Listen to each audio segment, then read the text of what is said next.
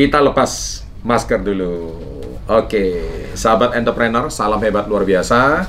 Kali ini Anda mungkin belum kenal wajah beliau, tapi tujuan uh, video kali ini saya adalah akan memperkenalkan beliau karena beliau ini menurut saya seorang eksekutif muda yang luar biasa, entrepreneur muda yang sangat sukses.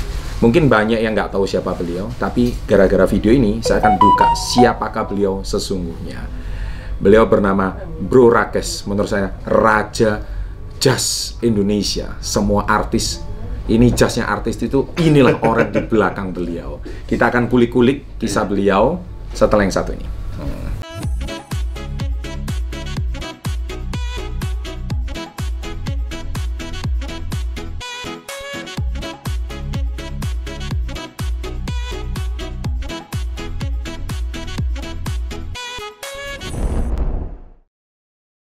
Bro, apa kabar bro? Baik, brother. Sehat-sehat? Sehat-sehat. Saya kenal beliau ini bulan lalu guys, dari meritnya Atta sama Aurel, yeah. yang lagi fenomenal itu. Fenomenal banget. Tapi tahu nggak, semua jasnya artis itu rupanya bikinnya di sini guys. Iya. Ini namanya SAS Design. Nah ini bosnya rupanya. Bro, ini gimana ini ceritanya kok bisa berkecimpung di dunia jazz ini gimana ini? Jadi bro, sebenarnya ya uh. um, waktu kita udah kecil, hmm. saya waktu dalam usaha sangat dini, hmm. jadi saya itu mengurus uh, meneruskan bisnis jazz design sudah hmm. generasi kedua. Oh, jadi dari ayah ya? Dari ayah saya. Hmm. Ayah saya mulai merantau dari Purwokerto, dia asli Jawa. Oke. Okay. Oke. Okay. Terus dia pindah ke um, Bandung. Iya. Yeah. Dia mulai bisnisnya sas karena oh. panggilan dia dari dulu sas. Sas itu artinya apa sih? Tidak ada arti sebenarnya panggilan dia. Oh, dari panggil. dulu itu sas. Jadi dari panggilan itu dia membuat sas Taylor. Sas Taylor. Terus sudah aku lanjutin, aku ganti ke sas design. Oh, Oke. Okay. Jadi lebih ke konsentrasi ke desain. Iya. Yeah. yeah. Bro, ngomong-ngomong masa kecilnya lahir di Indonesia, Bro? Lahir Bandung, Bro. Lahir Bandung. Asli Sunda. Asli Sunda ini ya. uh, kuma atau teh gitu. kuma damang gitu. Uh, tapi keturunan India ya. Keturunan India. Uh, jadi generasi ke? Generasi ketiga. Generasi ketiga. Dan guys, anda tahu, saya sering bilang di channel Success Before 30 kalau perantau itu pasti uletnya luar biasa. Gesit ya pak ya. Itu bener, gesit yeah, gitu yeah. ya. Jadi makanya kalau anda mau sukses salah satunya harus merantau. Dan uh, tentu dari kakek ya, yeah, dari kakek. merantau dari India yeah. sampai ke Indonesia terus berkeluarga sampai ini cucunya gitu. Iya yeah, betul. Jadi gimana ceritanya SAS itu namanya apa sih? Jadi SAS itu panggilan ayah saya. Oke. Okay. Panggilan ayah saya dari um, dia zaman muda. Mm-hmm. Dia dipanggil nama dia Baguan. Oh. Nama dia Baguan atau dipanggil Aguan. Oh. Ya, terus um, beberapa orang panggil dia SAS. Aguan sembilan naga dong. Sembilan bukan sembilan. Ini sembilan gunting. Sembilan gunting. Jadi ayah saya tuh he believes um, dia tuh hobi uh. setiap pagi itu motong mola. Motong oh iya yeah, iya. Yeah, Jadi kalau orang mau bikin jas itu dari udah pilih bahan, udah konsultasi desain, itu lanjutnya ke pola. Oh benar benar. Jadi semua kunci ukuran di pola. Ya polanya ya. Kayak contoh Bro Chandra beli kemeja. Benar. Mau kemeja sebagus apa pun atau sebiasa apa pun, hmm. itu tergantung pola potongannya. Benar. Itu yang membuat Bro Chandra akan bilang, wah ini kemeja walaupun ready ya, yeah. ini ke merek ini tuh saya cocok banget. Iya. Yeah. Itu kuncinya apa? pola bro pola yeah. jadi kata kuncinya di pola nah kita akan belajar banyak ini ya terus kembali ke cerita saya tadi kenapa yeah. kok orang India di Indonesia merantaunya itu banyak dibilang garment sebenarnya itu stereotype stereotype ya stereotype sebenarnya bisnis orang India tuh banyak sekali betul betul cuman kebetulan um, di Indonesia di Indonesia nggak mungkin pebisnis diketahui karena pebisnis yeah. tuh pergi dari rumah ke kantor kantor ke rumah yeah. yang jual kain yang kelihatan oh ini India ya iya iya iya Sebenarnya nggak gitu ya? Nggak juga. Banyak juga. Oke. Okay. Terus jadi lahir di Sunda, lahir di Bandung. SD SMP di mana? SMA? Saya jadi um, lahir di Bandung, saya SD di um, hmm. Bandung, hmm. terus saya pindah uh, di Jakarta di Gandhi hmm. sekolah Gandhi. Hmm. Nah dari sana Gandhi saya full autodidak pak. Iya, iya. Saya keluar uh, beres sekolah kelas uh, beres SMA. Iya. Langsung saya teman-teman kuliah, saya lihat ayah saya yang sangat bekerja keras, saya Betul. ngikut. Betul. Terus ya mungkin berapa karena, saudara? Saya sendiri, Pak. Anak satu-satunya. Oh, anak tunggal. Iya. Oh, jadi mau nggak mau harus ngelanjutin lah ya. Iya, betul. Oke, okay, oke. Okay. Terus uh, kuliah? Kuliah tidak kuliah saya. Oh, jadi SMA langsung langsung saya kerja. pasti pertamanya um, namanya anak muda ya, Betul. belum serius kerja dan lain-lain. Benar, benar, benar. Ya kita memakan waktu tidak seriusnya ya. Iya, iya. Memakan waktu canda lah. Sesudah udah serius dan Nah. waktu um, kerja benar-benar 6 sampai 7 tahun. Tapi istilahnya papa sudah orang yang berada ya. Papa orang yang belum sih bro ya. Belum ya? Belum. Belum. Jadi eh, main-mainnya tapi ya nggak kekurangan lah ya. Tidak kekurangan. Nah, tapi main-main happy-happy sampai kepikir mau kerja itu usia berapa?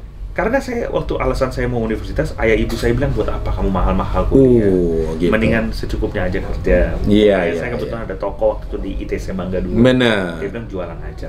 Jualan aja. Jualan aja. Udah kamu. Tapi kan belum namanya anak muda masih pengen main kan? Iya. Hobi nge-game apa gitu masih? saya Zaman dulu nggak pernah suka game, Pak. Oh, nggak pernah suka. Pernah suka game. Nggak pernah suka. Memang game. suka. eh, Jadi hobinya apa? Mainnya apa waktu muda dulu? Jadi saya tuh memang orangnya suka gimana ya?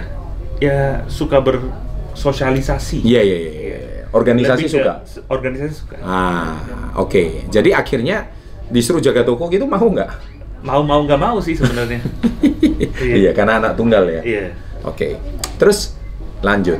Akhirnya kenapa kok menseriusi titik balik apa yang akhirnya membuka SAS Design ini? Jadi saya tuh em, tipe orang yang suka traveling. Hmm. Saya itu yang saya benar-benar suka dengan uh, uang yang seadanya. Saya Iya. traveling dan saya lihat Backpacker style. bukan backpacker sih, Iya. ya, kurang lebih seperti Kurang itu. lebih gitu, ya. Jadi saya uh, melihat cara hidup orang luar dan Betul. saya lihat di dunia itu sangat orang tuh berpakaian sangat rapi. Berpakaian sangat rapi. Dapat inspirasi dari situ. Inspirasi. Jadi saya lihat orang jalan kaki aja Hmm. sehari-hari itu harus rapi, Pak. Iya. Rapinya sangat rapi loh. Terutama orang luar ya. Orang luar. Negara-negara maju ya. Betul, sangat sangat rapi. Betul, Jadi betul. itu meng- menginspirasi kita Iya. untuk mengedukasi orang di Indonesia untuk rapi juga. Oh, awalnya dari situ.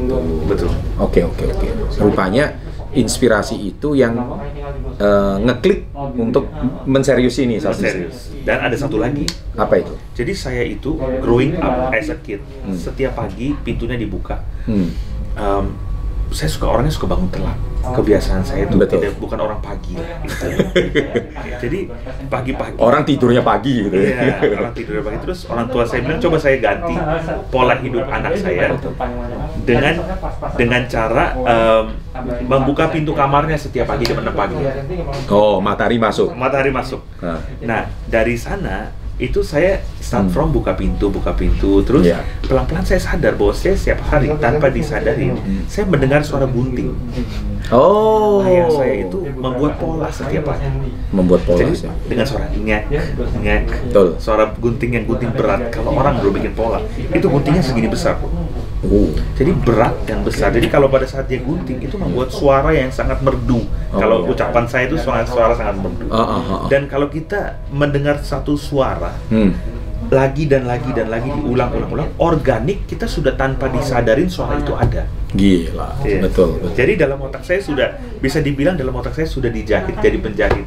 Oke, keren amat. Tadi rupanya tidak ada kesuksesan eh, tanpa sebuah eh, sebab. Dan saya percaya hari ini rupanya inilah yang mendasari Bro Rakes untuk menjadi pengusaha yang sukses di bidang tekstil terutama jas ini ya. Nah sekarang Bro, ini saya mau tanya. Pedagang jas ini kan banyak. Ya. Kenapa cuman Bro Rakes yang bisa masuk ke semua kalangan artis? Ilmunya boleh Mungkin dibagi. karena saya itu anak muda dan saya suka tren anak. Oh. Jadi bukan hanya pakai jas, pakaian resmi saja, pakaian santai pun Benar. saya itu sangat suka pakaian kekinian lah. Ah. Jadi kayak semua dari dimulai dari kaos sampai sneaker sampai Iya. sandal yang hype masa kini tuh aku kalau kata-kata gaul aku hype beast banget. Habis banget. Jadi suka Iya. banget sih hobi. nah, Anda tahu, Anda pasti sudah tahu selebriti top tanah air seperti Raffi Ahmad. Kliennya siapa aja bro, sebutin lah, gak apa-apa. Ini kita Enggak lah open bro, cuman ya memang kita Iya. tuh anggap satu sama lain sebagai kawan. sebagai kawan. Tidak ya. pernah, kalau ketemu malahan jarang bicarakan mengenai pakaian. Oh, Itu lucu loh pak. Seperti weddingnya atau Iya. kayak saya kalau ketemu Kita satu meja ya bro ya. Satu meja. saya ketemu Bunda Ashanti Heeh. mau diskusi mengenai wedding. Bener. Bunda Ashanti nggak pernah ngomongin mau aku mau begini ya mau begini nggak. Oh, Hatta juga setiap kali kalau perlu jas nggak pernah.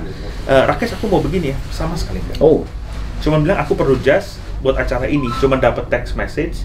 Terus aku yang kepoin semua mengenai makna daripada pakaian tersebut. Mau Oh. dipakai di mana?